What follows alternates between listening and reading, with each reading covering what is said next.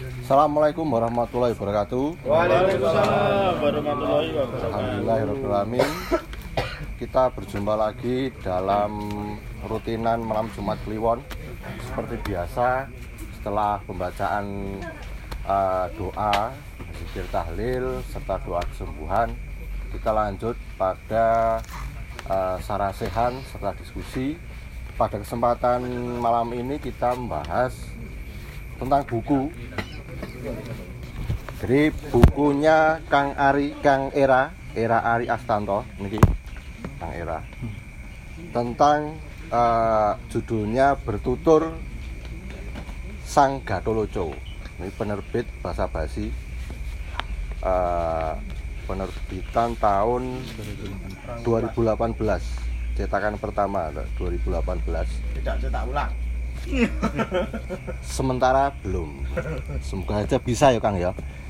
Nah eh, untuk kali ini nah ini kan dari judulnya saja sudah menarik bertutur sang gatolo gatoloco gatoloco ya apa sih? Artinya apa? Terus eh, ceritanya seperti apa? Nanti eh, kita bisa simak semua di pada kesempatan malam ini. Dan juga tidak lupa kita ditemani oleh eh, sang guru setia Kang Rendra Agusta. Jadi nanti beliau bertugas untuk uh, membukakan cakrawala pengetahuan mengenai khasanah Jawa. Jadi soal seputar Gatoloco. Gatoloco juga berkaitan erat dengan Darmo Gandul. Nah, ini biasanya uh, apa namanya sangat apa ya akrab sebagai orang Jawa ini kita dengar istilah itu terutama pada masa uh, uh, mau pilpres itu biasanya biasanya agak viral juga. Gatoloco terus Darmo Gandul Sabdo Palon nah kayak gitu. Terus apa namanya uh, Satrio Piningit nah itu terkenal. Nah tidak tidak usah lama-lama jadi kita uh, langsung menyerbu pertanyaan kepada Kang Ira dulu sebagai penulis ini silahkan nanti kalau setelah ini bisa baca atau versi PDF-nya diwaca oleh ya Kang ya? Boleh. Oh boleh. Versi PDF-nya juga ada. Sudah di share di grup. Sudah di ya, di share asal tidak Disebarluaskan. dan perjualbelikan itu jangan. Nah, eh, pertama eh, untuk pertanyaan pertama ya Kang Era. Ini ceritanya piye sih? Ceritanya gimana lalu mengapa kok nulis. Sampai nulis kayak gini. Ini gimana Kang Ira? Monggo. Oke. Assalamualaikum warahmatullahi wabarakatuh. Waalaikumsalam. Selamat malam semuanya. Salam sejahtera. Semoga sehat semuanya ya. Dalam keadaan sehat dan duit-duit semuanya. Amin. Amin. Sehat ranti duit kita ya ora penting ya. Sehat ranti duit ya ora penak teman. Malah curhat tuh. Jadi Jadi gini eh, kalau tentang latar belakang penulisan buku Gatoloco ini ya saya dengar nama Gatoloco pertama kali itu saya ingat waktu masih SMP ya SMP kelas 3 oleh guru bahasa Jawa saya jangan seperti Gatoloco seperti itu saya justru malah jadi penasaran Gatoloco itu piye tapi kemudian terlupa sampai akhirnya beberapa eh selama lah. Setelah lulus kuliah ya tahun 2008 itu baru teringat lagi tentang eh, ingatannya itu dari Mas Damar Sasongko ya yang menulis Sabda Palon itu. Kemudian saya justru teringat nama Gatoloco dan saya cari-cari bukunya dan ketemu. Kemudian saya baca oh, ternyata waktu itu saya sangat terkejut isinya. Benar-benar luar biasa. Menyesatkan seperti itu ya. Waktu itu ya. Waktu itu benar-benar menyesatkan seperti itu. Waktu itu pikirannya. Cuman ada beberapa hal yang kemudian yang menjadi dasar saya mengapa untuk mempelajari itu sudah ada dasar dulu ya eh, terutama bukunya Ahmad Qasim yang berjudul bukan bukan itu dulu yang berjudul Mistik dan Marifat Sunan Kalijaga itu ya. Kan menyinggung juga bahasan ini ya bahasan tentang naskahnya Gadoloco ini juga dibahas sedikit. Kemudian sesi jenar yang mistik eh, yang makrifat kematian atau apa itu? Saya lupa judulnya itu. Ahmad Qasim juga. Dari situ saya kemudian paham dan kemudian saya baca ulang lagi naskah Gadoloco ini. Ternyata isinya tidak menyesatkan seperti itu. Tidak menyesatkan jika kita punya dasar tentang tasawuf saya rasa ini aman-aman saja gitu tapi kalau dibandingkan dengan fikih ya kasarannya ya mutiar seperti itu. Bener bener-bener seperti itu. Jadi untuk mempelajari gato untuk memahami loco pola pikirnya seperti apa ajarannya seperti apa ya harus punya dasar dulu tentang tasawuf. Nah, beruntungnya saya itu ketemu sama saya juga. Jadi untungnya putus cinta iya itu juga. Maksudnya tidak ngomong kira e, berawal dari situ kemudian saya itu e, mempelajari tentang apa itu tasawuf karena tasawuf bagi saya ya menyelamatkan hidup saya dari ketidakberagamaan seperti itu. E, agak berat juga benar ya? Itu di garis bawahi. Benar dulu saya itu hampir-hampir tidak mengakui Tuhan seperti itu Orang situ tapi ya. Tapi nggak jadi. Nggak jadi, cuman waktu itu sudah protes. Tuhan ini piye? Ora cetro seperti itu lah gampangane. Gara-gara ya kuwi cinta seperti itu. ya, seperti itu. Jadi ya seperti itu. Gadolojo sebenarnya sederhana sekali, sederhana sekali untuk untuk pelaku tasawuf apa yang diajarkan dari Gadolojo ya sederhana sekali. Nggak ada masalah seperti itu. Cuman sekali lagi bagi pelaku fikih tanpa mempelajari hakikatnya tanpa mempelajari tasawufnya batinnya seperti itu ya. Kalau fikih kak eh, kalau saya itu saya istilahkan seperti raganya tasawuf itu seperti batinnya seperti itu ruhnya seperti itu. Jadi kalau raga tanpa ruh itu ya ya seperti itu mati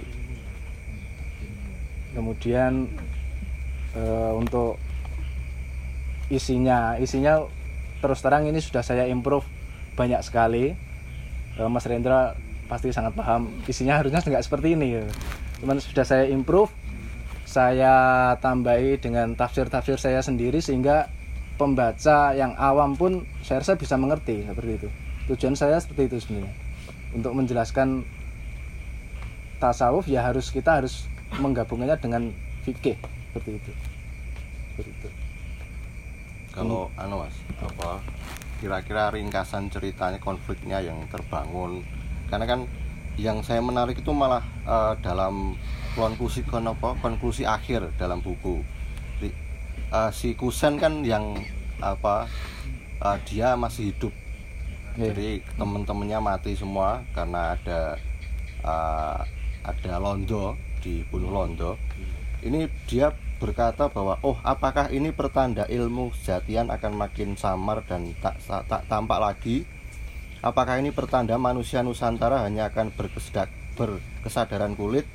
Apakah ini pertanda pertumpahan darah karena agama akan membanjiri Nusantara? Nah kira-kira konflik yang dibangun itu apa kok? Sampai si Kusen ini berkata seperti itu gitu loh apa uh, ada itu ternyata benar. Uh, saya rasa pertanyaan konflik pribadi si Kusen ini di di akhir di akhir cerita.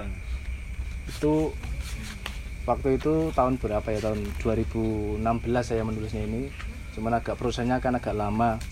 Karena harus memperkuat pendapat kan harus cari buku-buku yang lain juga ya untuk gen ketok formal gen ketok resmi. gitu seperti itu. E, jadi waktu itu kan ada maaf kalau disensor ya kan ada kasus demo-demo yang di Jakarta waktu itu ya. Hmm. yang ramai yang besar itu ya. Itu kan sebenarnya ketakutan saya sendiri sebenarnya. Pertanyaan ini sebenarnya ketakutan saya sendiri cuman ya seperti tadi saya katakan ini sudah saya improve sudah saya uh, apa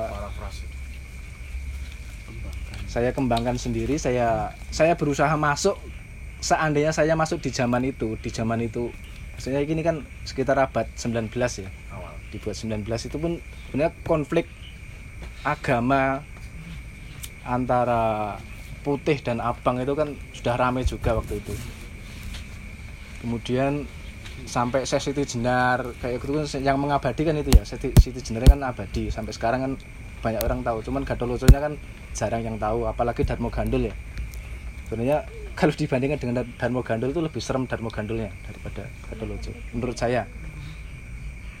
Karena Darmo Gandul itu fake ditambahi penuh dengan politik.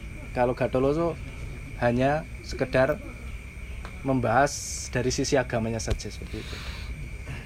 Jadi kalau untuk pertumpahan darah itu kan bisa kita lihat lah di sekeliling kita sampai hari ini pun banyak yang padu goro-goro eh, pemahaman ya. Pemahaman tentang agama yang fikih gini yang tasawuf gini harusnya nggak gini harusnya nggak gitu seperti itu. Saling menyalahkan saling mengklaim dirinya sendiri benar kemudian menyalahkan orang lain menganggap orang lain salah seperti itu kan. Banyak yang paten-patenan goro-goro itu banyak peperangan-peperangan di di sana sini kan seperti itu.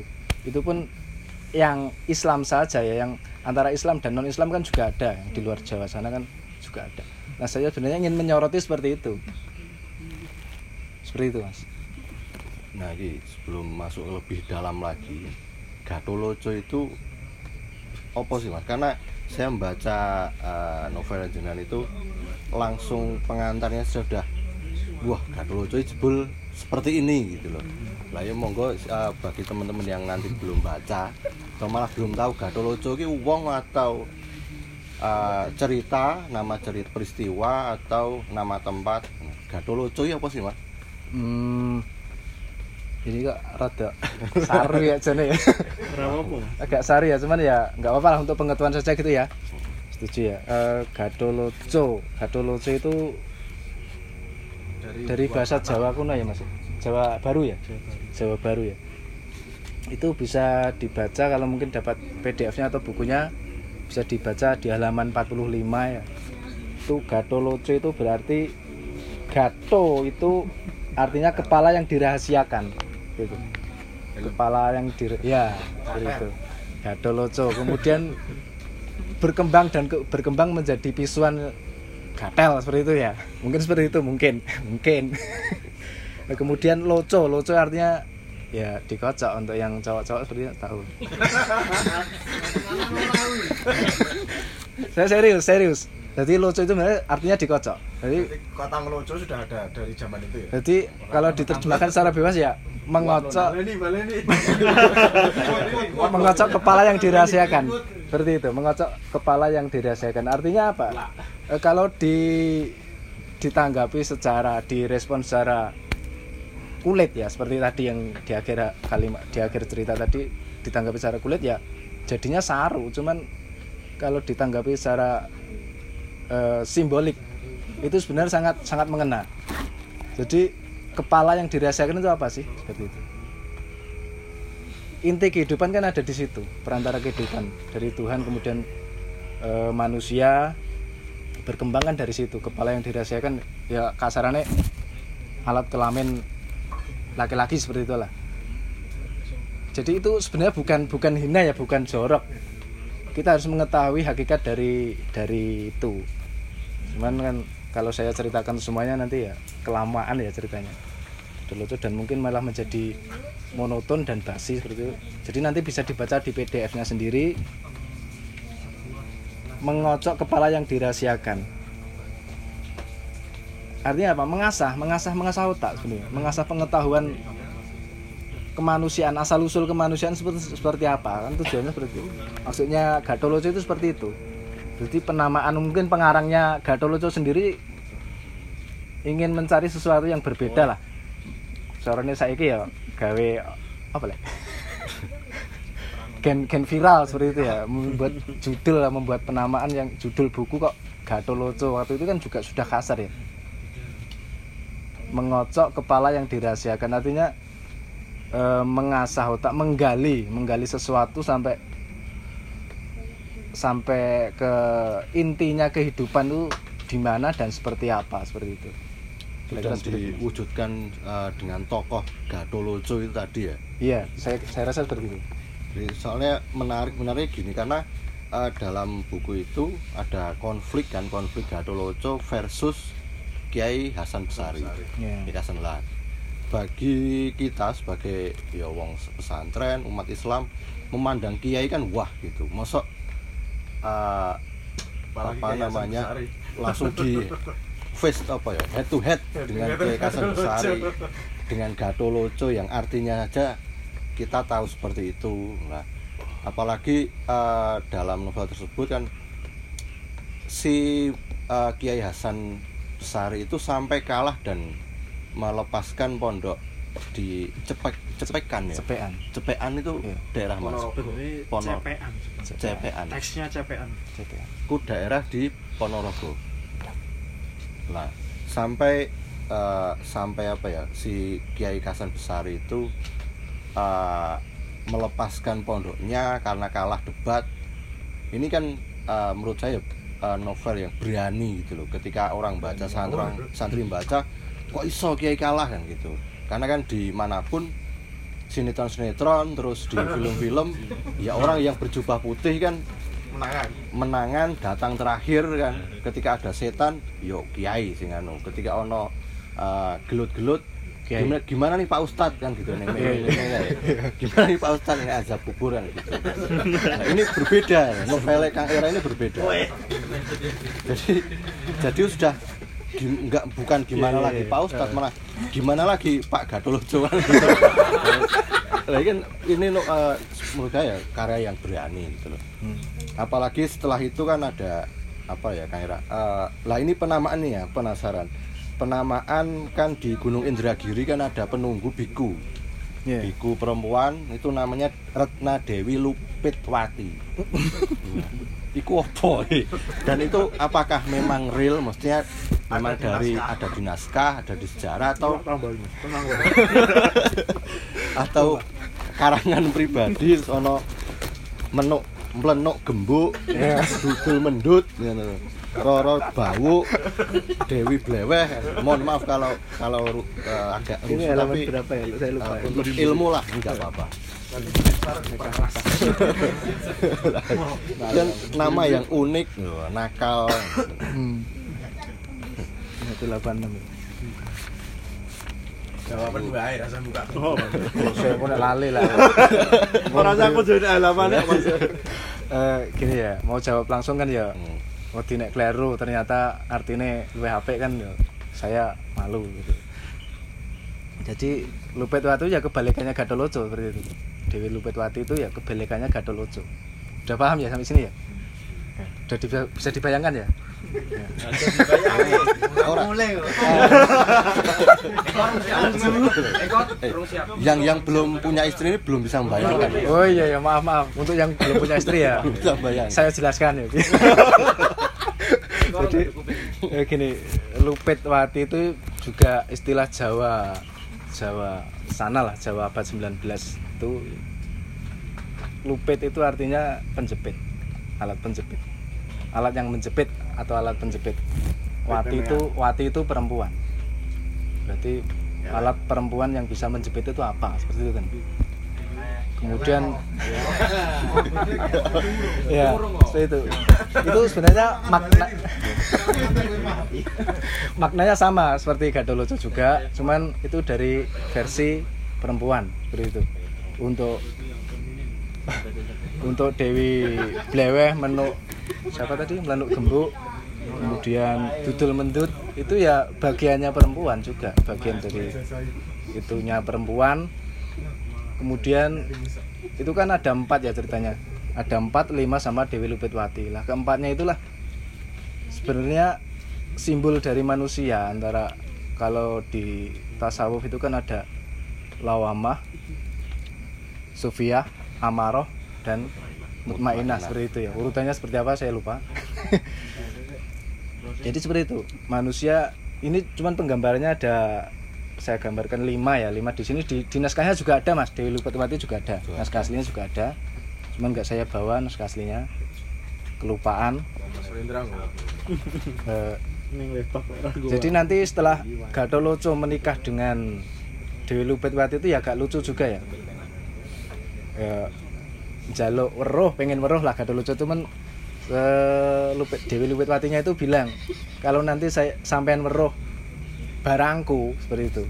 Ini nanti yang keempatnya ini hilang seperti itu. Sebenarnya cuma simbol waktu itu saya mentang waktu itu loh ya waktu itu saya mentang tentang poligami seperti itu. Jadi poligami pun keempat empat ke syaratnya kan empat ya.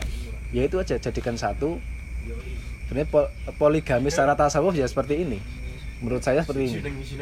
Siji ning isine papat lima karo sing duwe seperti itu menurut saya seperti itu saya saya larikan ke tasawuf seperti itu. Cuman ke secara fikih kan harus ada wujudnya ya empat keempat empatnya kan harus ada wujudnya seperti itu. Saya maksudkan dulu seperti itu. Mungkin. Tapi kalau anu Mas, untuk tadi saya penasaran Kiai Kasar Besari kan eh, sampai terusir gitu loh dari pondok eh, Cepekan terus dari kan ada muridnya dari Kiai dari Rejosari kan ada Abdul Manap, Ahmad Ngarip, Abdul Jabar. Nah itu memang benar-benar kalah atau gimana? Dari naskah atau referensi panjenengan? untuk di naskahnya emang benar-benar kalah ya. Untuk Kiai Kiai Kasan Besari kemudian tiga kiai yang dari Rejosari itu di naskah aslinya juga kalah. Seperti itu. Cuman sebenarnya dalam hati mereka mengakui mengakui kebenaran argumen Gatoloco seperti itu. Argumen pendapat Gatoloco dan argumen e, nalar-nalare Gatoloco lebih masuk seperti itu. Dari sisi agama lebih masuk. Cuman Kiai Kasan Besari kalau menurut pendapat saya pri- pribadi ya sebagai seorang kiai kok nganti bersumpah rumongso ilmune lebih tinggi rumongso ilmunya telah tinggi kemudian menganggap orang lain tuh nggak nggak punya ilmu nggak punya ilmu yang setinggi dia atau yang melebihi dia. Jadi dia bersumpah akan melepas pondok sepean seperti itu. Jadi untuk sumpahnya sendiri di naskah aslinya juga ada. Oh, berarti memang memang pertarungannya antara uh, si Gatoloco dalam arti orang abangan dengan pesantren kaum putih berarti ya, konfliknya. Iya. sekaligus ada serangan apa VOC kan? Apa ya? Iya VOC ya, zaman zaman VOC zaman zaman VOC kan gitu ada uh, andil di situ. Nah oh, lang- uh, langsung saya lempar pertanyaan kepada Kang Rendra nah ini dari Nah, ayam aku Kone, kone.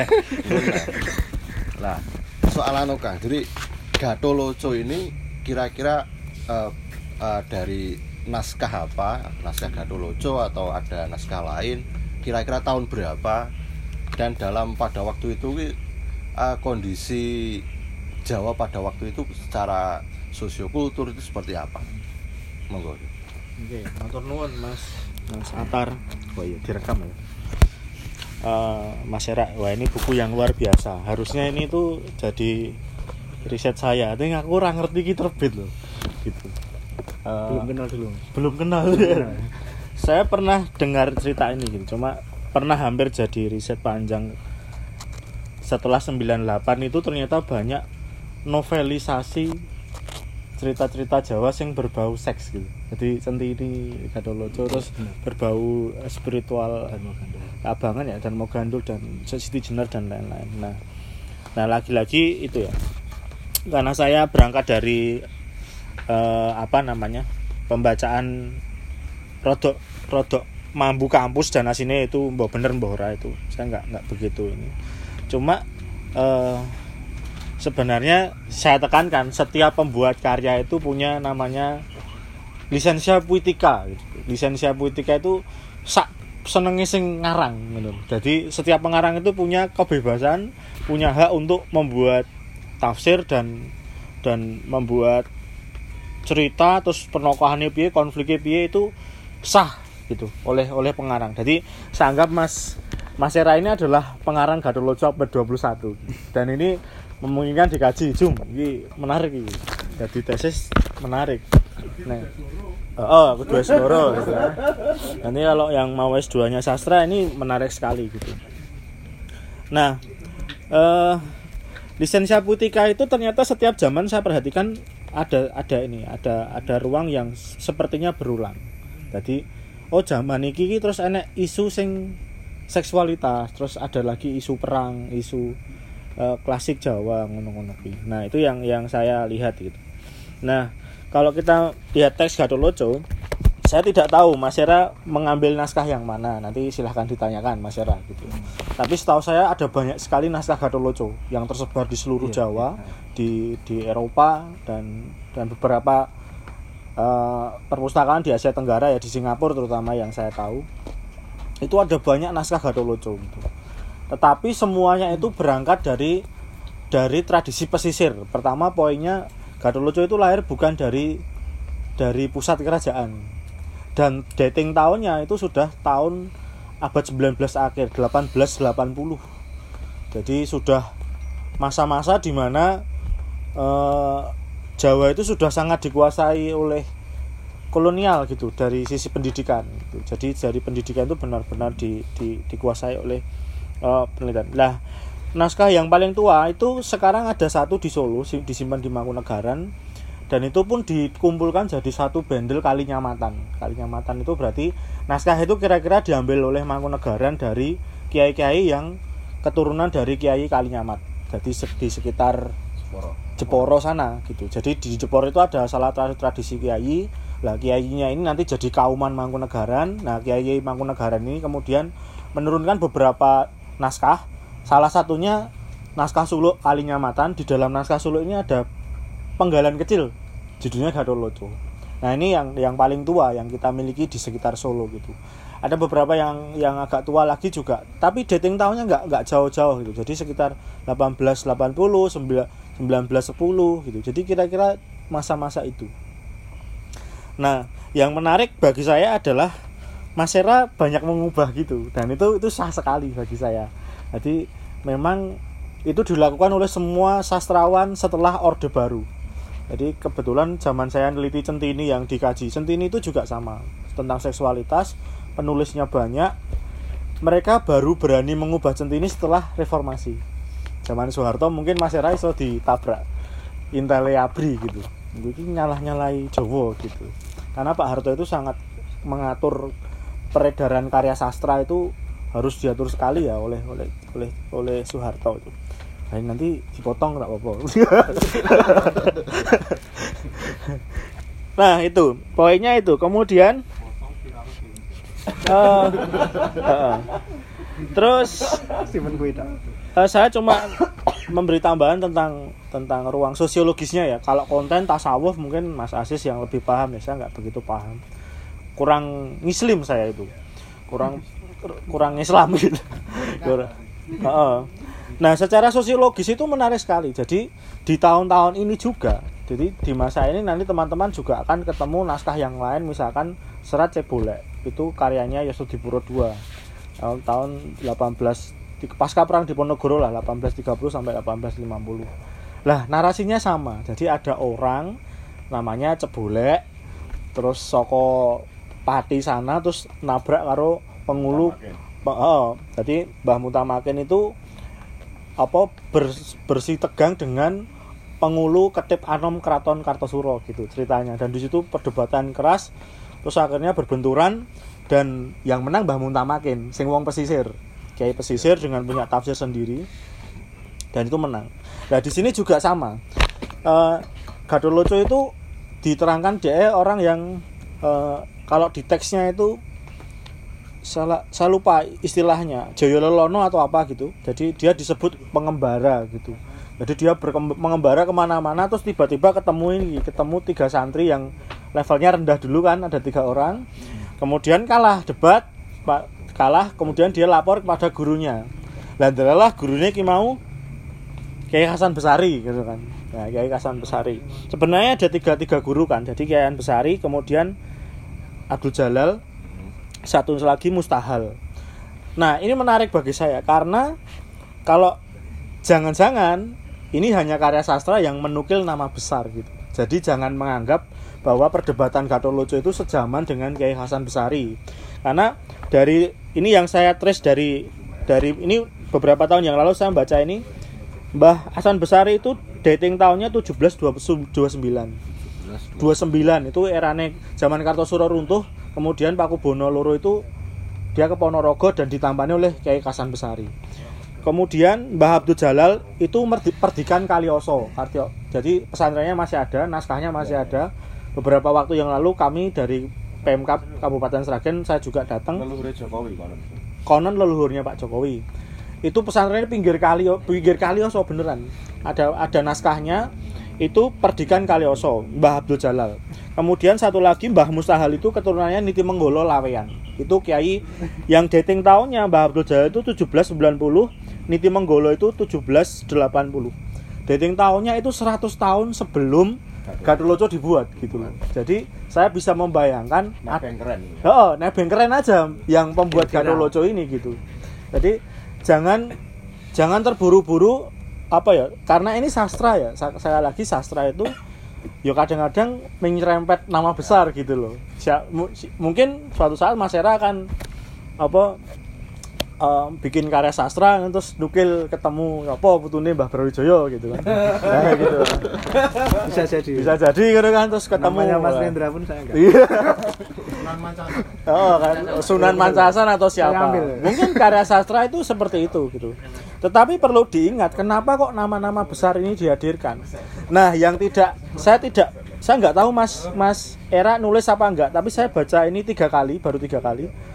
Mas Era nggak nggak menampilkan pernikahannya Gadoloco dan Lupitwati.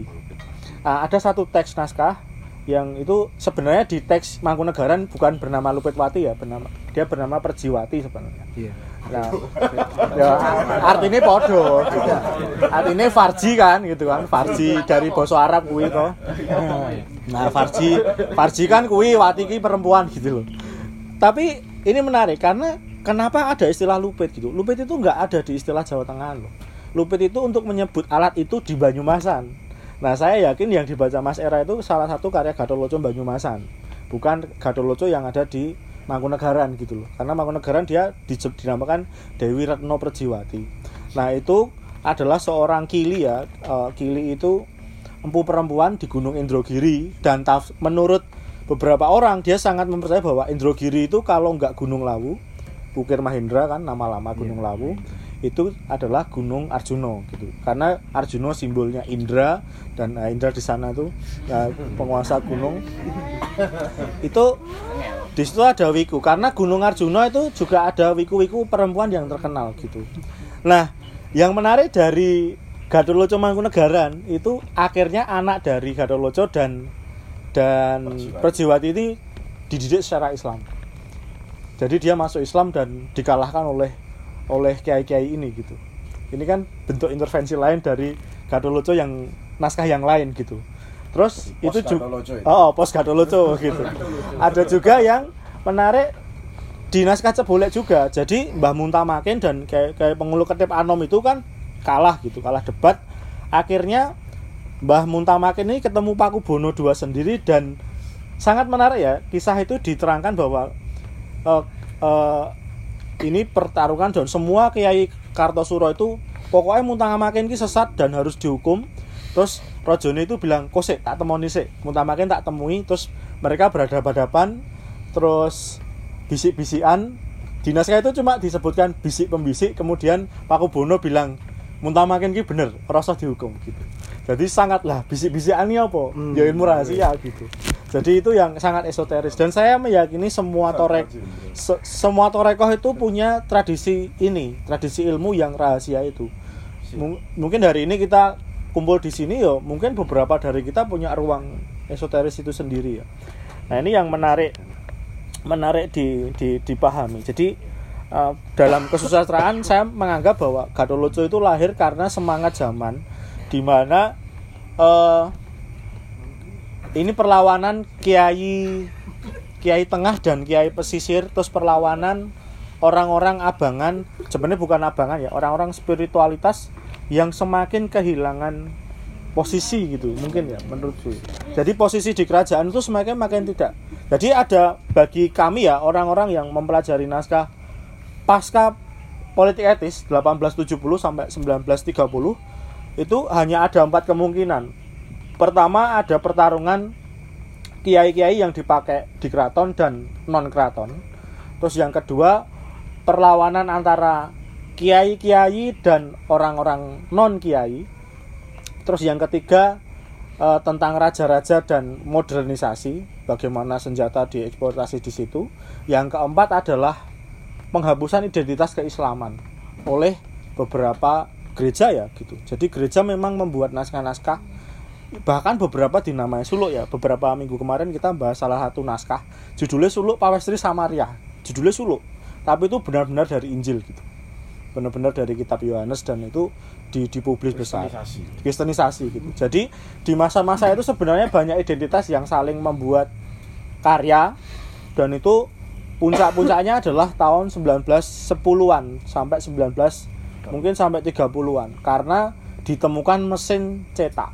Jadi naskah itu orang yang pesantren, orang yang keraton tapi sudah diperjualkan bebas di pasar gitu. Jadi sepertinya ada orang yang ingin merebut apa ya wacana gitu. Jadi kayak sekarang media kan yang nganggo buzzer kan semakin diketahui banyak orang gitu. Nah sebenarnya hari ini kan kita ngerasa ke apa yang dialami Gadoloco gitu.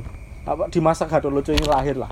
Jadi ada sekarang yang sangat membela Islam, ada yang membela investasi, ada yang pro Jokowi, pro Prabowo atau Pro siapa, miras. Ah, pro miras, ada yang anti miras, ada yang macam-macam. Nah mereka menggunakan media yang sekarang media online ya, tapi di masa ini dibuat dan dicetak media yang paling besar adalah karya sastra. Nah itu secara sosiologisnya ngono ki, Mas. Jadi yang perlu ditekankan jangan berpikir nek karya sastra itu terus langsung dianggap sejarah zaman Mbah Hasan atau siapa. Itu titik tekannya. Soalnya wis kayak sensitif gitu. Ya. Gitu Mas Atar. Ya, itu lah, Mas. Jadi eh, memang eh, ternyata kan eh, dari eh, dari serat Gatoloco itu sosok Kiai Kasan Besar itu seakan-akan dicomot gitu loh. Hmm. Nah, eh, pasti kan karena ada suatu kepentingan untuk membuat wacana baru pada Hmm. waktu itu dengan kepentingan eh, bagaimana agar eh, dapat menyalurkan ide gagasan orang-orang yang dikata dalam katakan apa ya, spiritualitas. Hmm. Hmm. Eh, kalau itu sama dengan abangan nggak bisa dikatakan abangan nggak? Kalau saya ini ya apa abangan itu sangat sempit gitu. Sangat sempit. Sangat sempit ya. Karena itu beng teori besar Pak siapa namanya? Gertz ya. Before Gertz, Gertz yang dia membagi manusia Jawa jadi tiga itu bagi saya sangat sempit gitu karena dan jangan jangan salah loh. Isu seksualitas ki ada satu lagi ruang yang kadang-kadang ruang sing apa ya kadang-kadang tidak dipikirkan oleh perdebatan intelektual. Ini ruang ekonomi mas. Jadi waktu saya riset centini itu kenapa kok setelah Elizabeth Inandia dia setelah itu banyak pengarang pengarang pengarang yang lain. Kok ngarang centini janjane itu? Awalnya ki ya cerita gitu saya nggawa lokalitas mas. Saya nggawa agama Islam saya bawa nggak mungkin Elizabeth itu tahu tentang Jawa dan lain-lain sok-sokan gitu. Ternyata. Ternyata setelah 8 tahun saya mengikuti perjagongan tentang itu gol akhirnya ya dodolan. Hmm. jadi iki iki isu sing sangat seksi gitu loh sing didol gitu loh. Jadi ini urusannya kan dunia percetakan tuh mas. Cetak banyak didol gitu. Karena isunya sangat unik, sangat unik dan wah ini dan menarik. Menarik. kemedul ngono. Kemedul. ya gitu lah. Gitu. Nah, yang saya tanyakan adalah efeknya. Ketika ada serat Gatoloco, dampaknya secara sosio masyarakat atau malah bertambahnya semangat uh, gerakan orang-orang spiritualitas atau bagaimana? Atau membuat sentimen dengan uh, kultur pesantren mungkin?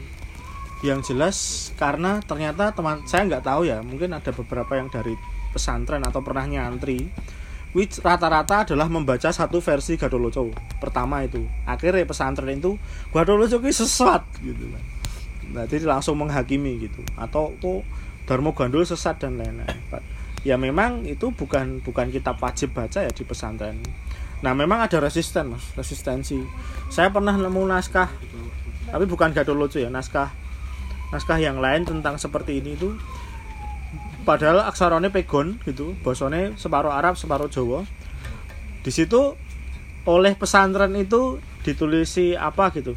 Eh, ini bukan iki ora ora ora kera kena digugu gitu dalam aksara pegon gitu. Jadi ternyata pesantren pun kewalahan ngadepi ngadepi pers itu. Cetak itu kewalahan gitu nah poin yang kedua dalam konstruksi kebudayaan Jawa dengan lahirnya ini ya Gatoloco ini kan bareng mas. Cetaknya karo centini cetak itu bareng. Terus Sesiti Jenar Darmo Gandul terus jadi itu dan lagi-lagi yang nyetak bukan pesantren loh mas. Yang nyetak itu Tionghoa gitu. Jadi yang diuntungkan dari ini siapa?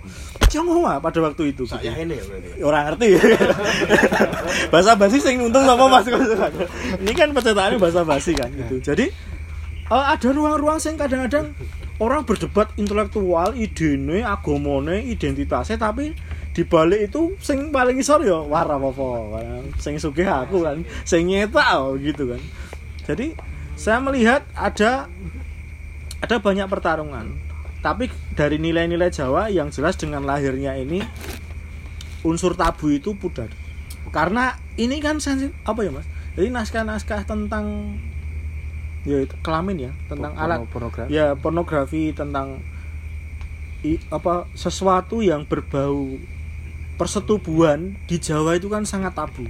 Makanya kan sampai ada kalau di teks itu kan apa wat santun gitu kan garap sari gitu garap sawah dan lain-lain. Jadi orang itu selalu melewati bagian ini gitu. Tapi ketika lahir lahir centini yang yang di Vulgar. yang dan centini yang dicetak itu kan centini bagian vulgar digoneng londo terus dicetak di Belanda dibawa ke Indonesia lagi payu. Ini juga sama.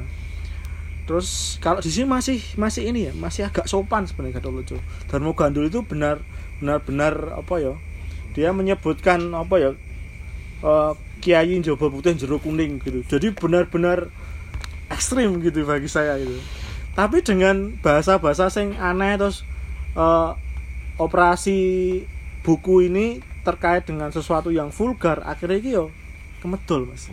Kemedol banget lah. 5 golden pada waktu itu mahal gitu. Dan dan kui yang terjadi gitu. Sekarang masih relevan ya berarti? Masih relevan banget mas. Jadi ketika saya nulis tesis itu yang tentang karya sastra 98 sampai 2018 harusnya saya ini tak masukin gitu. Saya belum baca dan saya cuma cuma ngambil eh, yang urusan centini aja gitu. Terus ternyata memang di permukaan pertama itu benturannya lokal dan internasional. Terus benturan kedua bahasa bahasa yang tinggi kromo dan bahasa yang saru-saru kayak gini. Terus tapi di balik itu semua itu nanti mengerucut ke piram- piramida tertinggi ini dodolan. Bener-bener orang mencari untung dari pertarungan ini gitu. Jadi ketika pesantren dan abangan perang ketika kiai pengulu keraton dengan kiai pesisir perang itu yang paling diuntungkan siapa? Bakul. bakul gitu dan itu sangat sangat menarik ya bagi saya. Maka jadilah bagul. Gitu. jadilah orang-orang di di poros tengah. Ya, menarik menarik jadi eh, lah ini yang saya pernah dengar eh, serat Gatoloco Darmo Gandul itu buatan Belanda. Hmm, jadi eh sopo ya, lali aku. bagus. Sepertinya sepertinya lagi sensitif loh ini potong loh ini. soalnya nyebut tokoh besar ya sepertinya bukan maksudku Oh. Nah itu eh, buatan Belanda yang sep- yang untuk apa ya? Untuk ya memperburuk citra Islam terus memperkeruh itu. Nah pandangan jenis seperti apa dalam Sebagai hal keturunan ini? penjajah. iya sebagai keturunan sebagai non muslim dan keturunan penjajah sebenarnya ini ya saya yakin ada ada ruang itu gitu ada ruang yang Belanda me- punya operasi sendiri sebenarnya bukan Belanda ya sebenarnya mungkin ada yang tidak tidak terlihat gitu ada ruang tidak terlihat yang cuma dia pakai Portugis Belanda melalui zending melalui penerjemah gitu. Sebenarnya sangat mungkin gitu. Sangat mungkin ada karya sastra yang didesain Belanda untuk me, me- apa namanya? Meng- menurunkan apa ya mungkin ruang-ruang keislaman gitu ya. Tetapi jangan jangan ini juga ya jangan selalu menyalahkan Belanda gitu. Karena narasi tentang perlawanan antar kiai yang Islam berbenturan dengan Islam sejak sejak Amangkurat satu ya setahu saya. Jadi sejak keraton itu belum di Solo belum di Kartosuro belum belum apa masih di kota gede sana di Pleret sana belum jadi Jogja ya belum jadi Jogja itu pertempuran antara kiai itu ternyata outputnya adalah musaf gitu. Jadi beberapa musaf yang kan musaf-musafnya Mangkurat 1 sampai Kartosuro banyak di Tunisia ya. Tunisia kemudian di Inggris itu beberapa peneliti teman-teman yang pernah baca musaf-musaf dari Jawa itu di situ itu pertarungan ini, pertarungan antar apa ya namanya? Mungkin pesantren ya, antar madhab ini. Iya, antar klan ini lagi-lagi gol akhirnya adalah pertarungan ekonomi. Siapa yang bisa jadi broker pertama? Misalkan kayak Mbah Muntamakin itu kalau kita lihat petanya kiai-kiai di Jepara dan Pati itu gol tertingginya adalah jual beli kayu jati di balik lalu lintas agama itu gitu. Di elit loh ya Malah bukan di jati bukan bukan di umat gitu. Kalau di di di Solo dulu tuh pos pos sebelum masuk ke Pleret itu posnya di Sono Sewu mas. Sono Sewu Lawean Lawean baru dibawa ke Pleret baru dibawa ke kota gede barang-barangnya itu. Lah kenapa kok Sultan Agung dan Amangkurat itu kalau pernah dengar mungkin ada pembantaian seribu kiai ya. Ya, itu kan sangat viral ya sangat viral. spiral toh itu Viral. walaupun pil gitu. Nah, lah ruang-ruang spiral itu kan terus kadang-kadang menimbul menimbulkan apa ya? Oh, wah iki goro-goro londo ki. Amangkurat terus mateni seribu kiai pendukungnya Jeng Sultan Agung. Tapi perlu diingat loh, Amangkurat itu ibunya adalah orang keturunan Kesultanan Banten dan punya jaringan beberapa kiai di pesisir Banten, pengendali ekonomi rempah di Banten. Nah, ketika ketika kolonial membuka perdagangan di Pleret dan di Solo sebagai bandar pelabuhan, orang yang paling bersaing dagang adalah ulama-ulama di era Sultan Agung. Akhirnya ulama-ulama Banten diberikan ruangan, ulama Sultan Agung dibantai gitu. Kemudian orang-orang ulama-ulama Banten ini gentian dibantai lagi oleh oleh masa-masa berikutnya gitu. Jadi ada pembantaian antar ulama itu yang di, di kronologi sejarah hari ini kita melihatnya sebagai sentimen terhadap kolonial, tetapi pada waktu itu perebutan tertingginya adalah ekonomi, rempah terutama. Nah, itu yang yang kadang-kadang kita tidak menemukannya karena Ya dibalik. karena ruang iman kan anu banget ya mas Sensitif. jadi sensitif gitu loh jadi kalau Islam kita terus harus sangat membela Islam. Lah Islam saya ngendi gitu? Karena ruang sejarah ternyata banyak sekali. Nah saya melihat itu di musaf-musaf itu sangat sangat kuat ya pertarungan antar kitab itu. Apalagi di masa cetak. Makanya kalau eh, saya saya nggak bawa ininya ya ada foto tentang Gadoloco ini yang aksaranya cetak itu. Saya Nah, dari yang tersisa saja artefak setelah itu dicetak tahun 1910, sekarang sudah 100 tahun kan. Jadi Masera ini 100 tahun setelah Gatoloco dicetak itu artefaknya yang hari ini masih ada dan dimiliki oleh masyarakat umum masih di sekitar 500-an cetak gitu. Jadi hampir semua perpustakaan di Indonesia masih punya buku cetaknya Gatoloco. Di perdagangan online masih banyak, di juragan kolektor-kolektor antik masih banyak lah 100 tahun bisa masih ada 500-an buku gitu bisa bayangin di tahun itu berapa cetaknya gitu bisa bisa bayangin aja. Terus penyebarannya ke mana aja gitu. Dari percetakan itu dicetak lagi di percetakan Semarang dicetak lagi percetakan Surabaya gitu. Jadi pertarungan itu yang masuk ke ruang-ruang pesantren gitu. ya mungkin pasti berpengaruh terhadap kehidupan masyarakat. Sangat berpengaruh. Dan satu sampai sekarang berarti mitos-mitos eh, ya cerita-cerita tentang Gatoloco, terus Darmo Gandul, bahkan Centini. Eh, Cebule, Mm-mm. terus nyambung juga dengan Sabdo Palon kan pasti Ya. juga dalam satu paket kan berarti. ya satu paket Mungkin itu dulu eh, saya buka sesi pertanyaan. Monggo silahkan Nah, eh, oh. dulur-dulur. Syarikat Islam itu tahun berapa? Syarikat Islam itu 0 08 sebelum pecah loh kan nanti puncak-puncaknya udah mau 40-an itu SDI berarti ya. hmm. Syarikat Nah, Dagang nah, Islam. sing- sing Dagang Islam sih. Aminoto itu itu 19 itu 08 jadi kayaknya SDI dulu baru eh aku ngomong ngawur ya jadi Cokraminoto itu silsilahnya memang ijik keturunannya Mbah Hasan Besari hmm. secara silsilah memang begitu dan kayaknya itu memang salah si mungsuhe sing di sing arep dimusuhi oleh pembuat Gatolojo itu memang kelompoknya Cokroaminoto. Hmm. Nah, makanya dia menyantumkan nama eh, datuknya kan Iya. untuk dijadikan oh datuk datuk wae kalah gitu loh. Iya. Mungkin saya melihatnya seperti itu. Kayaknya kalau kita baca sejarah itu ketemu head to head antara penganut Gatolojo dengan dengan syarikat itu. Cokroaminoto itu. Begitu. Itu sangat ini. Memang iya jadi saya saya mikirnya memang politik itu kan narasi gitu narasi. Misalkan sekarang siapa gitu kan semua presiden Indonesia kalau belum jadi presiden kan nggak ada yang gagas keturunannya sopo toh. tapi ketika jadi presiden itu digolek-golek gitu wes SBY keturunannya Hamengkubuwono loro gitu kan. Terus Jokowi keturunannya sopo Soekarno. Wah kayak banget Soekarno itu. Sampai semua kerajaan ngeklaim gitu. Kok sangar juga ya Soekarno? Keturunannya kesultanan mana kesultanan mana gitu pasti terkait dengan politik ya, ruang politik gitu.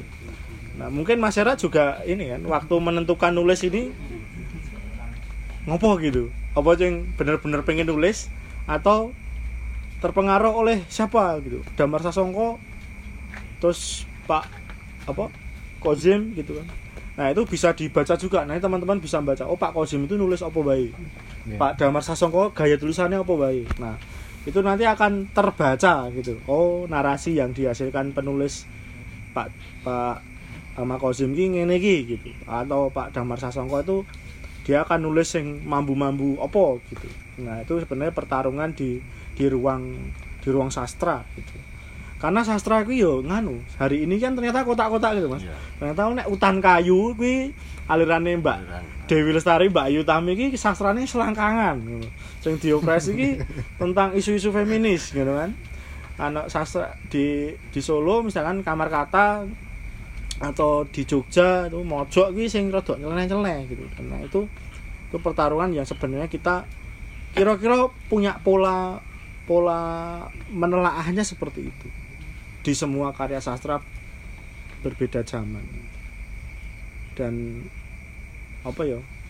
Tidak ada karya sastra yang lahir seperti apa ya wahyu Tuhan gitu. Jadi karya sastra itu lahir karena penulis iki wong endi terus apa koncone sopo uripe karo sopo itu sangat berpengaruh terhadap tulisan. tulisan itu karya sastra yang dihasilkan. Tidak ada karya sastra yang lepas dari dunia penulisnya. Kecuali wong umyang ya. kecuali wong ngomong jadi pas nulis jamur sih itu dari salah satu tips untuk. Imajinasi liar. kecubung sih Dadi liar tenan teman-teman yang lain yang mau tanya atau Eh, mungkin anu, belum diungkapkan perdebatan-perdebatannya itu piye ngono lho. oh iya Itu kan urung, urung dibahas. Nah, Ya, dia kan guru agak ngomong ke kuwi Iya. apa buku kuwi lah. Hmm. Mungkin ke isi. Misalnya kenapa Gatoloco begitu eh, sesat? Sesatnya nggak ngendi kepiye dan dan orang apa pandangan tasawufnya itu menjadi tidak sesat bagaimana? Mungkin Mas Era bisa rodok jelentreh kayak lah kuwi. Eh, untuk dialog-dialognya tentu saya tidak tidak hafal ya. Eh, cuman isinya itu ya Gatoloco itu menganggap misal misalkan gini. Ono wong sing ada orang yang Islam ya Islam itu eh, wiritan misalkan wiritan dengan menyebut nama kanjeng Nabi Muhammad seperti itu. Kemudian Gatoloco itu membantah Woe mbok muni openg sewu? Nabi Muhammad ya ora bakal hadir Hmm. seperti itu. Itu kan otomatis kalau yang saklek cinta sama kanjeng Nabi ya itu kan, wah ini sesat ini sesat. Ini saya ini saya sesat ini mesti materialis marxis. Ya mesti. Cuman Gatoloco di halaman berapa saya lu- lupa. Eh, itu menjelaskan ternyata yang dimaksud dengan kanjeng Nabi Muhammad itu bukan Nabi Muhammad yang telah bukan Nabi Muhammad yang yang mewujud ya yang yang ngejawantah itu tapi Muhammad dalam arti yang eh, secara tasawuf disebut dengan Nur Muhammad seperti itu. Jadi kalau kalau kita tingkah pola kita ti- tidak tidak bersih tidak benar. Gampangannya ya nyelutaki uang nyelutaki alam semesta seperti itu menurut Gatoloco menurut Gatoloco itu ya kita tidak akan sampai kepada Nur Muhammad itu sendiri seperti itu. Jadi juga yang dimaksud dengan Rasul Rasul menurut Gatoloco itu adalah ruh kita sendiri. Jadi kalau kita tidak bisa menghubungi ruh kita ya eh, kita nggak akan sampai kepada Tuhan seperti itu. Menurut Gatoloco seperti itu. Jadi yang di protes sama Gatoloco ini bukan Nabi Muhammad yang ada di Mekah waktu itu. Seperti itu. Seperti itu mas. Itu contoh contoh satu. Perdebatan opo? contoh liane ya otomatis seperti Siti Jenar ya yang menganggap eh bukan menganggap ya yang ajaran tentang manunggaling kawulolan Gusti. Di sini juga ada. Di Gadolojo ini juga ada. Cuman penjelasannya ya ya sesimpel itu sesimpel itu. Kita tetap me- menganggap diri kita itu ya nggak ada seperti itu. Sing ada ya Gusti sing ana ya mung Gusti Allah tok seperti itu. Sing hakikate ada ya Allah seperti itu jadi menurut saya manunggaling kawula lan Gusti itu ya ya biasa-biasa wae ora sesat ya kan. Menurut saya seperti itu menurut pendapat saya pribadi seperti itu. Jadi untuk memahami Gadoloco ini ya benar-benar harus iya ya ya mempelajari tasawuf seperti itu. Mempelajari tasawuf dan dan Ng- ng- ngafir dulu gitu ya. Ya kalau itu memang jadi Iya. jalannya harus harus seperti itu ya seperti itu. Mau gimana lagi? Seperti itu mas agak rumit juga untuk membahas itu ya sebenarnya. Makanya saya katakan tadi di postingan juga sebenarnya berat eh, membahas ajaran Gatoloco itu benar-benar berat. Karena untuk untuk meneorikan sendiri itu dengan kalimat apa pun akan terkesan nyelekete terkesan menyimpang seperti itu. Hmm. seperti itu mas. Jadi seperti term apa ya manunggaling. Kalau gusti kan sampai sekarang masih eh, banyak dibawa-bawa di kalangan anak muda sing lagi apa ya lagi mualaf Jawa nih. Mualaf Jawa. Mualaf Jawa. Istilah Istilah baru. Iya, wi malah Istilah baru ini. Lagu ya. Angel loh. ini. Bilang di syuting kan.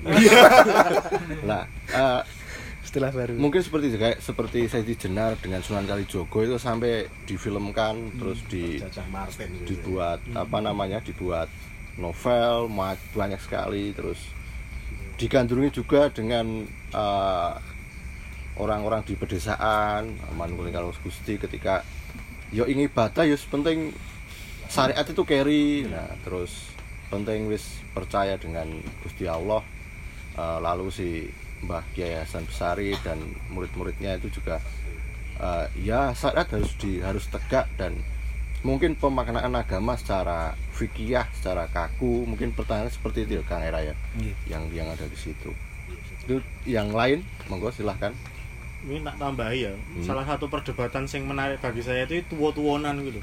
Jadi kan Oh, kita itu sering kan itu Oh, iya. sering zaman SD itu kan pitik karo ndok sendi gitu kan. Selalu jadi ternyata perdebatan itu ada. Bahkan di di dalam ini ya teks ini ya. Teks di naskah itu kan ada eh teka-teki gitu dalang blencong kelir sama wayang Oh, tua mana, Tua mana, gitu, gitu. Lah tua mana gitu. Menurut Mas Satar tua mana gitu.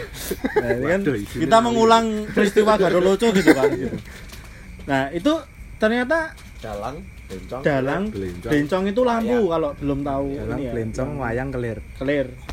empat itu Sing paling tua sing endi gitu kan. Belenconge, Jebule gitu. Belencong.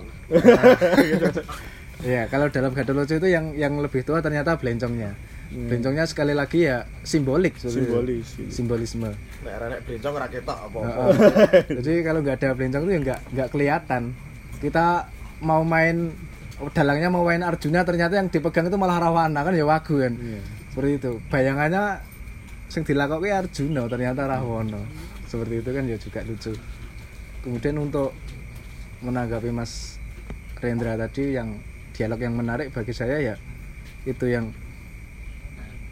apa kowe duwe meripat seperti itu ya apa Hmm. kamu punya mata matamu itu milik siapa seperti itu ya Hmm. ya milikku sendiri mosok kan seperti itu ya Skatolo itu seperti itu Iya. coba kalau matamu sendiri coba kalau pas tidur yang satu disuruh melek yang satu disuruh merem seperti itu ya. mana mungkin bisa kan seperti itu itu kan Jare gonmu. jadi gua kan ya kan lucu ya Seperti itu jadi itu menurut saya ya menurut saya cara Gatoloco untuk menyadarkan bahwa kita sebenarnya ya ya cuman ciptaan nggak punya nggak nggak memiliki apa pun yang apa dalam diri kita sendiri nggak nggak memiliki seperti itu. Menarik. Itu yang menarik bagi saya seperti itu. Dan nanti umum mas. Nanti itu umum di naskah yang lain. Nggak saya sih jenar nah ini mumpung ono jumirin kayak wong lor toh nah Oh, itu wong wong orang utara mas Maju, Masis Kang. juga kan gitu kan Maju Kang Jum. Nah, gitu. Nyanyi. Pesisir. Iya, kita akan sering menemukan pesisir itu jadi stigmanya ngeyelan tukang bantah kan loh mas. Iya toh, Mas. langsung terbukti jadi kayak Sesti Jenar kan ditanya kan juga kayak gitu. Ya. Mbah Muntamaken juga kayak gitu. Jadi saya mikir kenapa kok karya sastra Jawa yang yang ber- berbau perdebatan kalau menempatkan orang-orang pesisir utara ki kok wong ngeyelan gitu loh. sikap kritis. Iya, gitu. Jadi sikap kritis Eh, itu itu menarik ya. Bagi saya menarik sekali kenapa kok kok karya sastra itu hadir hampir bersamaan zamannya tapi narasinya itu mirip-mirip seperti itu. Atau memang itu karya sastra yang apa ya yang Yang ngetren waktu itu. yang ngetren gitu loh pada waktu itu gitu dan dan, orang-orang apa ya kalau di Sragen tuh istilah orang-orang kayak Gatot itu kan bergudul gitu Hmm. mesti kandang kuwi wong-wong angel ngeyelan gitu. Tapi kalau dari teman-teman sastra gitu karya sastra Gatot ini sangat materialistik sebenarnya. Apa-apa ki diukur wujud gitu loh. Jadi tadi soal mata tadi itu soal soal pokoknya perdebatan yang spiritual seharusnya ini perdebatan teologis tapi ngukurnya nganggo materialis. Kartesian bro. Ya, tapi itu kadang-kadang tidak disadari oleh pembaca sastra ini gitu. Jadi kadang saya merasakan kok ngukur iki iki wis padha nganu ki lho, wis padha materialis Marxis tapi komunis tapi sing ateis gitu. Sing Tuhan ada enggak? Coba kamu minta sama Tuhan gitu kan. Mau nek enggak ada. PKI kuwi. Nah, gitu kan. Kalau Tuhan enggak ngasih permen, permen. Berarti Tuhan nggak ada gitu. Tuhan nggak ada. Nah, itu kan cara pandang kita ngomong ke teologis tapi parameternya materialis. Nah, itu sebenarnya lahir neng karya sastra peralihan ini gitu tahun ya, setelah politik etis 1870 sampai 1930-an gitu. Nah, itu sing sing sing menarik lah bagi saya. Dan itu hampir semua karya sastra sejenis gitu. Ngopo kok kayak gitu gitu. Apa zamannya pancen wis mulai modern kan karena pendidikan Eropa masuk dan lain-lain. Bahkan mungkin di dunia aktivis itu buku wajib pertama kali ya Madilog kan mungkin itu. itu kan madilog ya Ram. Iya. Kan itu. Nah, eh, mungkin ini kan akan akan melebar ke fenomena hari ini. Misalkan di era pandemi kan banyak saya temui banyak filsuf-filsuf stoik kan gitu. Ada yang merenung lalu mempertanyakan kembali Tuhan ki ono ora to? Lah itu kan ditanyakan. ditanyakan kan. Itu sa- sebenarnya sama. Cuma bedanya uh, mungkin ya kalau dulu pertarungan wacana itu masih bisa difasilitasi belum ada mungkin buzzer buzzer itu belum ada. Sekarang uh, kayak Ki Agung Sejagat yang fenomenal langsung dibully habis-habisan. Penemuan Gats Ahmada saya menurut saya pribadi entah itu terkesan konyol atau enggak dalam pengetahuan seharusnya harus punya panggung dan itu harus disidangkan dalam uh, secara pengetahuan didiskusikan panel dan segala macam.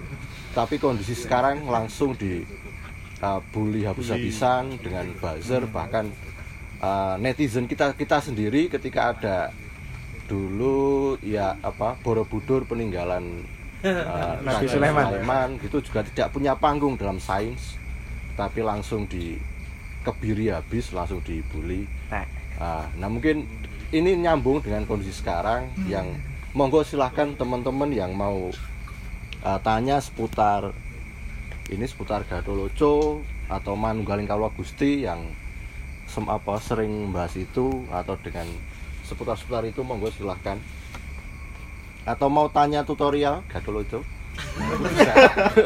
iya mas tutorial ini. Ya, daripada daripada. Iya gue praktekan mas Reza.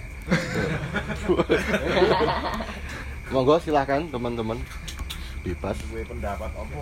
atau punya pendapat penulisannya bilang sasi terus lah mau di Wah, iki. Wah, iki. Mas. lagi proses proses kepenulisan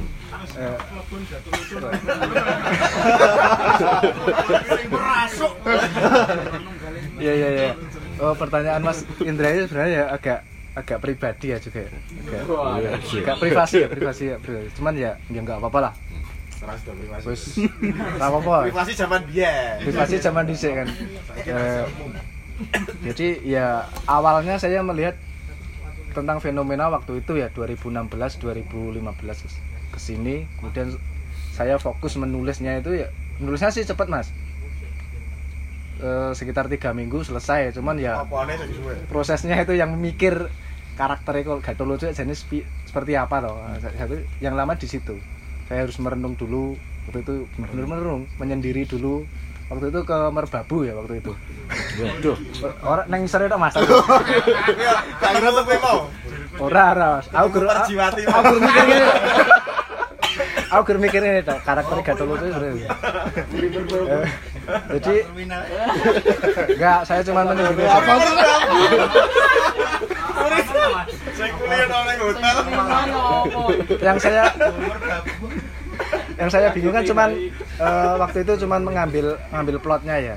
Ya saya ambil mau saya langsung yang menarasinya kan itu ya Gatot Lucu sendiri atau ataukah Kurang keberapa. orang keberapa seperti itu ya. Cuman akhirnya saya menemukan ya kayaknya ada ada jeda ini ada jeda yang yang nggak dibahas di sini ya. Saya saya masuknya dari situ. Kemudian saya ngarang sendiri namanya muridnya tiga guru tadi ya tiga guru dari Josari itu yang kemudian jadi muridnya Gatot Loco dengan saya namakan Kusen, Kusen. Ngali dan Jalil. Itu. jadi tiga nama itu sebenarnya karangan saya sendiri. Saya masuknya di situ. Kemudian ngopo kok kusen? Ya terlintas saya kusen. Saya nggak mikir tentang cucunya Nabi Muhammad. Husain saya sama saya sama nggak mikir itu. Nggak mikir sama sekali.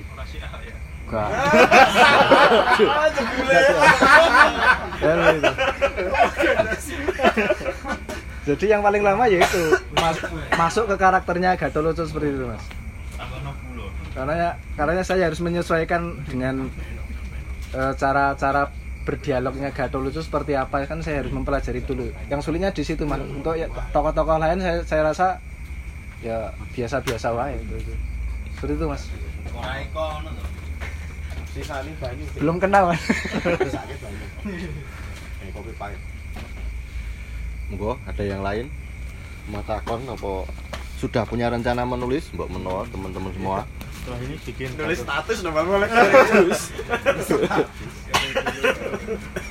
kan yang belum dieksplorasi kan sisi-sisi perempuan ini. Iya. Mungkin teman-teman Eh, ngeksplor apa perjiwati bertutur. Wah, ngono mungkin itu dulu pernah gue Mas Rendra ya Iya. ini pernah terlintas ya tentang perji- perjiwati ini sebenarnya saya pernah baca mas nama perjiwati itu pernah baca cuman saya ngambil Lupitwati itu saya ambil dari Mas Damar Sasongko Oh iya. Saya ambil dari situ. Aslinya namanya perjiwati saya tahu itu. Damar wong itu. Damar itu aslinya orang Malang. Malang. beliau orang Malang. Saya sekarang tinggalnya kelihatannya di Depok kalau nggak di Bogor. Depok kan. Ya, saya pernah ingin melanjutkan cerita ini ya. Keturunannya Gatot Loco seperti itu. Cum- cuman nggak Prototipe Mbah nggak jadi. sampai sekarang nggak kepikir nggak nggak kepikiran lagi. Kesibukan seperti itu Sesasi nyawang Batar itu wis banyak inspirasi. Anaknya wis SMA. Jadi tokoh ngono. Anake Gatot lucu. karena mungkin ya apa ya apa apa apa namanya tema-tema kayak gini pasti laku misalkan seperti buku cantik itu luka itu kan sangat apa ya full vulgar lah vulgar dan itu jadi bu- bacaan wajib kaum feminis karena ada pasarnya sendiri meledak juga dan mungkin itu eh, teman-teman kalau melanjutkan eh, Dewi Perjiwati bertutur atau anaknya Marke Mar Markesot. Kan satu. Gagato lucu. Lah bayangan saya adalah Marksat bertutur ya. Kok kayak bukune sapa Nek. kae. Lah ya bukune sapa kae. Ra. Inspirasinya judul juga dari situ. Mungkin iya. Enggak. Iya? Enggak, enggak. Mungkin Eh, eh, untuk judulnya saya dulu mau nulisnya Gatoloco bertutur bertutur sebenarnya cuman saya lihat isinya kok nggak cocok seperti itu Hmm. saya wale bertutur sang Gatoloco berarti kan ini kan sebenarnya ambigu ya Hmm. bertutur sang Gatoloco siapa yang cerita kan ngono Hmm. jadi ya seperti itu untuk judulnya sendiri mungkin ada pertanyaan lain, monggo silahkan. Gimana Dik Reza? Nah ini, Ojo kuwi Lagi. bae perjuangan rong tau sing gini.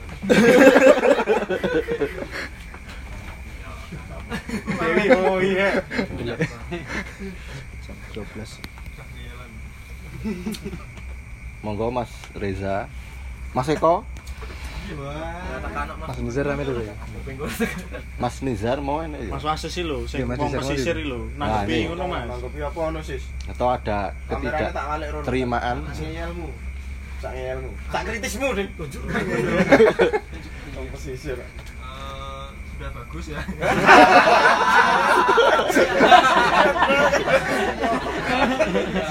Aku sih yes, lah. Gadem ya.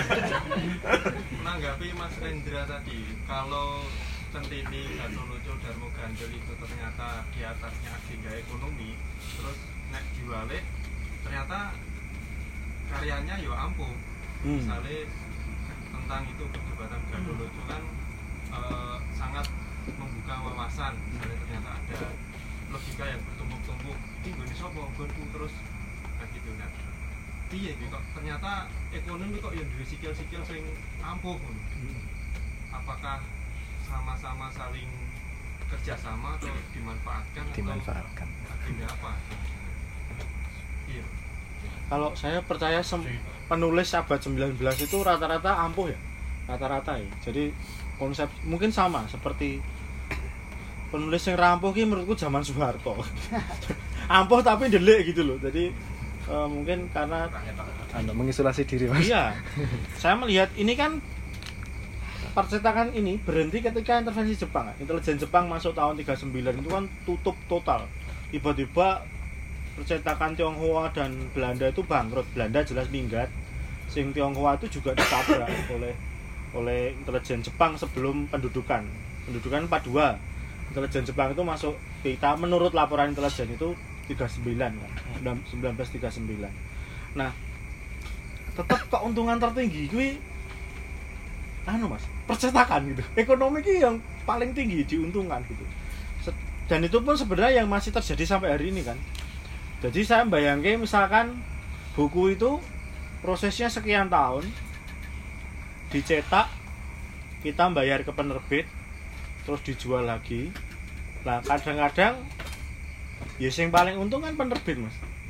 Nyetak modalnya kertas dan nanti ada persentasenya ternyata persentase ke penulis kan ternyata tidak banyak. Dari dulu memang gitu ya. dari dulu. Saya melihat itu ketika Ronggo Warsito utang. Itu pernah jadi satu riset tersendiri ya di Belanda. Jadi hutang-hutang Ronggo Warsito sampai beliau meninggal itu. Jadi bagaimana seorang Ronggo Warsito nganti Lintang. duwe utang gitu. Pujangga gede banget. Sing kita anggap kuwi mbahe pujangga gitu dewa lah gitu. Tetapi dia ternyata di masa akhir hidupnya itu apa namanya nyebrang.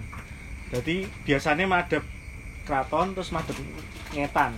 Akhirnya lahir serat Pustaka Raja Madya itu. Itu pun karena itu Londo mendanai pembiayaan untuk pembuatan karya sastra itu.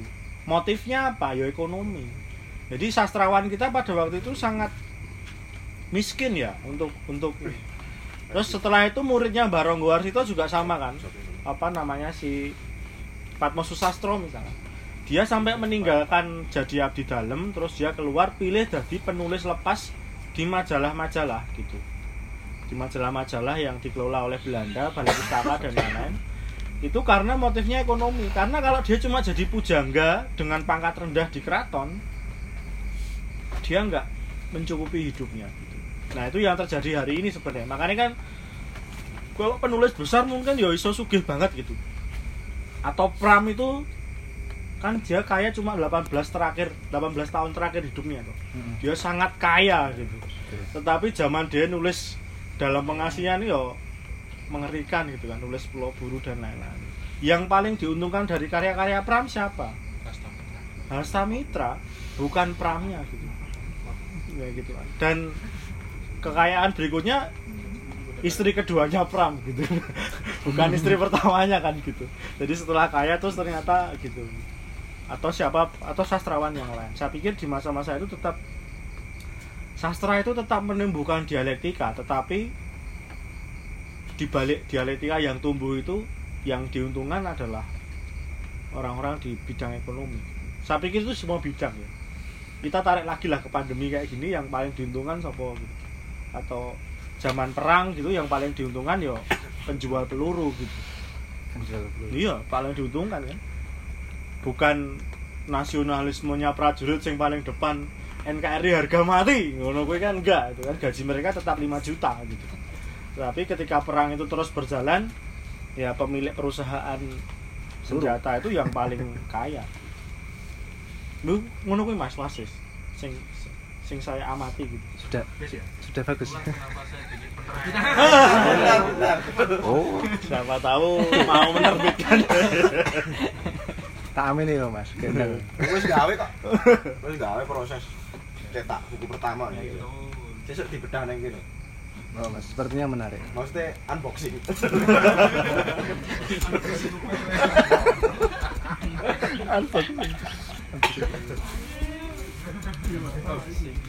judul menarik loh hmm? unboxing lupit wati monggo yang lain. Yang mau tanya. Wis ngantuk jam 12 atau saya tu- tutup dulu forum resmi nanti bisa uh, dilanjutkan ngobrol secara bebas vulgar dan nggak usah izin.